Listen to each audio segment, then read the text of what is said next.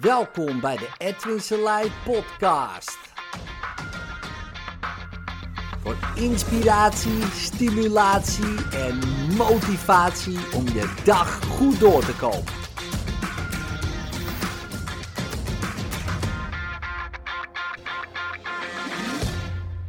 Depressies zijn interessant, want ehm, als je kijkt naar een onderzoek van depressieve ratten, uh, dan denk je, hè, depressieve ratten, kunnen ratten depressief worden?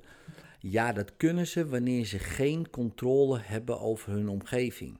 Wanneer de stressprikkels zo hoog worden dat ze de controle verliezen over hun omgeving. En dan worden ze letterlijk levensmoe, hebben ze nergens zin meer in, gaan ze liggen, worden ze lui, doen ze helemaal niks meer. Ehm, en dan gingen ze die breinen vergelijken van die ratten. Van zeg maar de niet-depressieve ratten en de depressieve ratten. En het bleek dat de serotoninegehalte precies hetzelfde was. en, en dat wordt vaak gezegd bij depressie: van ja, je mist een stofje en je serotoninegehalte is te laag. En dat soort dingen. Um, onderzoek wijst uit dat dat gelul is. En het onderzoek stamt uit uh, 2013. Maar nog steeds wordt dat gewoon verteld aan mensen. Je mist een stofje en dat, um, en dat is gewoon niet waar. Plus dat het serotoninegehalte, 95% van je serotonineopslag zit in je darmen. Ook dat is uh, onderzocht uh, en, en dat is veel recenter. Dat is volgens mij nog maar uh, een paar jaar bekend. Dus, dus dat je het mist in je hoofd, zegt dan ook helemaal niks. Want 95% zit juist in je darmen. Dus het is een veel ingewikkelder um, uh, systeem wat er aan, aan de hand is, zeg maar, dan wat, wat er zo heel makkelijk wordt gezegd. Je mist een stofje en je hebt een pilletje nodig. Dat is dus niet zo.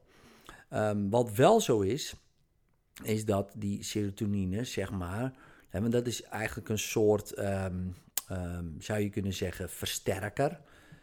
Versterker, nou, van in dit geval een goed gevoel, zou je kunnen zeggen. Maar de prikkelende verbindingen in je brein, dus de zenuwcellen in je brein, die uh, nemen die stof niet op, omdat ze, uh, ja, um, omdat ze dat niet kunnen op de een of andere manier. Die prikkelende verbindingen, die kunnen die stof niet opnemen. Dus die stof is er wel, maar ze worden niet opgenomen. Dus je kan wel een pil nemen.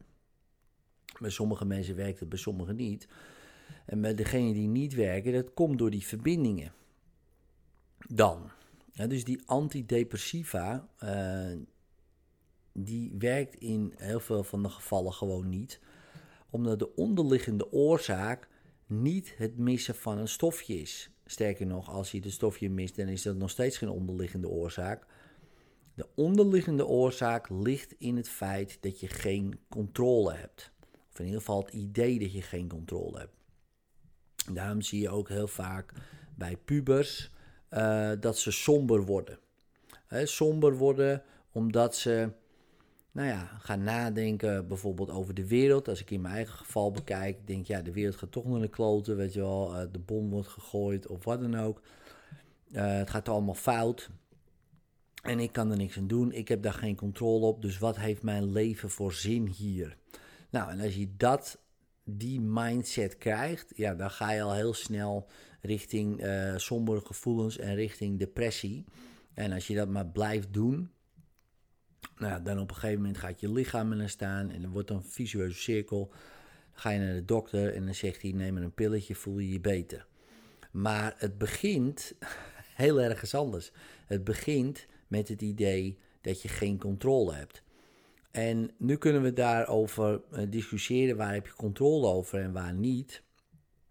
En maar het is ook het idee dat je controle hebt. Het idee dat, het, um, ja, dat je relatie uh, blijft werken zoals die werkt en blijft gaan zoals het gaat. Dat je werk blijft, dat je kan blijven wonen daar, dat het met je kinderen goed gaat, whatever. Het idee dat alles goed blijft gaan geeft een gevoel van controle en dus een goed gevoel. Stel je voor, opeens verandert het, wat natuurlijk kan. Dus um, niet zomaar, maar bijvoorbeeld je relatie gaat uit met je kinderen, gaat het slecht. Opeens word je je huis uitgezet. Dat gebeurt natuurlijk niet zomaar, maar bijvoorbeeld dingen veranderen. Je wordt ontslagen. En als er maar heel veel in die contexten gebeurt, kan je daar depressief van raken, omdat je had verwacht dat het altijd zo zou blijven gaan. En die verwachting, die schijncontrole zou je kunnen zeggen, die wordt weggenomen en opeens heb je het idee geen controle. En als je daar al een beetje aanleg voor hebt, ja, dan kan je depressief raken. En niet iedereen heeft daar, de een heeft daar meer aanleg voor dan de ander. Dat is ook genetisch uh, bepaald aanleg. Maar dat wil niet zeggen dat je uh, het wordt. Dat is heel wat anders. Het is een heel samenspel van omgevingsfactoren, um, voeding, wat je tot je neemt, hoe, hoe je beweegt en traint. Ook je opvoeding en ook je genen. En dit hele pakketje gooi je allemaal door elkaar heen. En dan krijg je een resultaat. Maar een van de resultaten, ehm, wat ook uit het onderzoek voortkwam, is dat stress, overmatige stressprikkels vanuit het geen controle hebben, zorgen voor, kunnen zorgen voor depressie. Dus in ieder geval voor sombere gevoelens. En dat kan dan doorslaan naar depressie naarmate jij de aandacht hebt voor iets. Nou, wat is dan de oplossing dus? Als je kijkt vanuit een wetenschappelijk oogpunt, is dat dus geen pilletje erin om serotonine uh, heropname remmers te, te gebruiken. Want dat heeft weinig zin dan. Uh, want daar gaat het dus niet om. Het gaat erom dat jij het gevoel weer krijgt dat je controle hebt. Dat het zin heeft, je leven. En dat begint bij controle. Nou, en als je iemand leert vanuit de cirkel van invloed. Hè, waar heb je invloed op? Waar kun je, kun je invloed op uitoefenen? En dat gevoel gekregen van, hé, hey, wacht eens even, ik kan dit controleren, en stapje voor stapje, dan kan je al vrij snel een resultaat behalen. Maar als jij wordt, jou wordt verteld, jij, je kan er niks aan doen, wat een interessante dubbelzinnigheid is natuurlijk. Hè. Eén, je kan er niks aan doen, want het is zo het overkomt je, oké, dat, dat kan je nog hè, denken van oké. Maar die andere dubbelzinnigheid, jij kan er ook niks aan doen. In de zin van, ja, niet uit wat je doet, je kan er toch niks aan doen. Um, die is veel enger eigenlijk. En die wordt, wordt heel vaak gezegd, ja, weet je, je kan er allemaal niks aan doen. Nee, maar ik kan er ook niks aan doen. Nee, dat is lekker om te herhalen. Nog minder controle. nog depressiever. dus dan krijg je zo'n visueuze cirkel. Natuurlijk kan je er wel wat aan doen.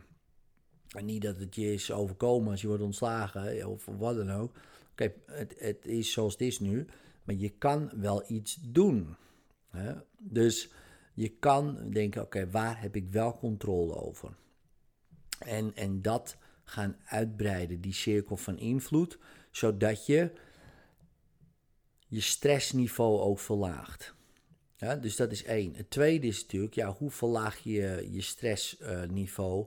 Bijvoorbeeld, en daarom werkt het ook zo goed natuurlijk, wandelen en bewegen. Uh, vooral in de natuur, want het schijnt dat je, dat je dan 6% um, ehm, cortisol minder hebt uh, als je wandelt in de natuur. En cortisol is een stresshormoon. Dus je stressniveaus gaan ook omlaag. Hè, van wandelen in het bos of in een park of wat dan ook. Nou heb je daar natuurlijk helemaal geen zin in uh, wanneer je depressief bent. Want alles uh, het werkt allemaal niet, natuurlijk niet. Dus dan begin je simpel. Waar heb je nog controle over? En dat maar herhalen. Hé, hey, ik kan dit wel doen. Hé, hey, ik kan dit doen. Hé, hey, hier heb ik controle over. Hé, hey, ik kan gewoon een glas pakken. Zijn van die hele simpele, lullige dingetjes misschien. Ja, maar je kan het wel. Je hebt controle over het glas dat je naar je mond brengt. En dat soort kleine oefeningetjes kunnen er al voor zorgen dat want het lijken simpele kleine oefeningetjes, maar het gaat erom dat je het gevoel krijgt: hé, hey, wacht eens even, ik heb controle over op een gegeven moment mijn leven. Maar het begint met een minimale kleine stap. Kan je je schoenen aantrekken? Ja, oké, heb je controle over.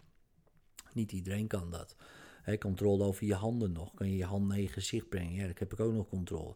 En op een gegeven moment denk je, man, ik heb eigenlijk heel veel controle. En dat verlaagt het zesniveau. Ik zal niet zeggen dat het makkelijk is. Het is simpel, maar niet makkelijk. Dat is wat anders. En dan stapje voor stapje kan je verder gaan. En de Kaizen-methode, Continuous Improvement methode, dat werkt gewoon. Kleine stapjes, grote resultaten. Kijk, een ander is om gewoon in één keer ehm, de dingen waar je het controleverlies bij echt het meest hebt ervaren, om dat helemaal te transformeren. En daar heb je vaak hulp bij nodig van een goede therapeut. Ik zou zeggen een hypnotherapeut uiteraard, omdat het veel sneller gaat. Maar om dat te transformeren. Ja, zodat je weer het gevoel krijgt van... Oké, dit waren echt wel impactvolle dingen, maar ik heb mijn controle weer terug.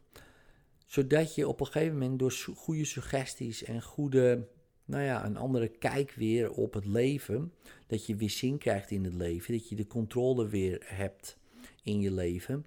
En dat je dus geen depressie meer doet, want dat is het. En dan kan je zeggen, ja, maar Ed, weet je wel, het zit in mijn brein en dat soort dingen. Oké, nou ja, er zijn 2% van alle mensen op de wereld kunnen zeggen dat ze een erfelijke aandoening hebben. Ehm, maar dan nog uh, hoef je dan niet door die erfelijke aandoening depressief uh, te doen natuurlijk kan jij gewoon tien keer meer aanleg hebben uh, om het te doen dan iemand anders. Misschien wel honderd keer meer. Dat kan. Dus dat, kan je genetische lot, dus de genetische loterij zou je kunnen zeggen. Met, tel daarbij je omgeving op en je opvoeding, heel veel uh, onbewuste patronen. Nou, en dan heb je misschien veel meer kans dan een ander om uh, die hetzelfde meemaakt, dat jij depressief uh, gaat doen en die ander die voelt zich nog wel redelijk oké. Oké, dat kan. Dat is gewoon iets. Maar dat wil niet zeggen dat het niet mogelijk is, ook voor jou, om, um, om je goed te voelen. Kijk, ik heb ook meer aanleg, bijvoorbeeld, uh, om depressief te gaan doen hè, dan andere mensen. Ja, oké, prima.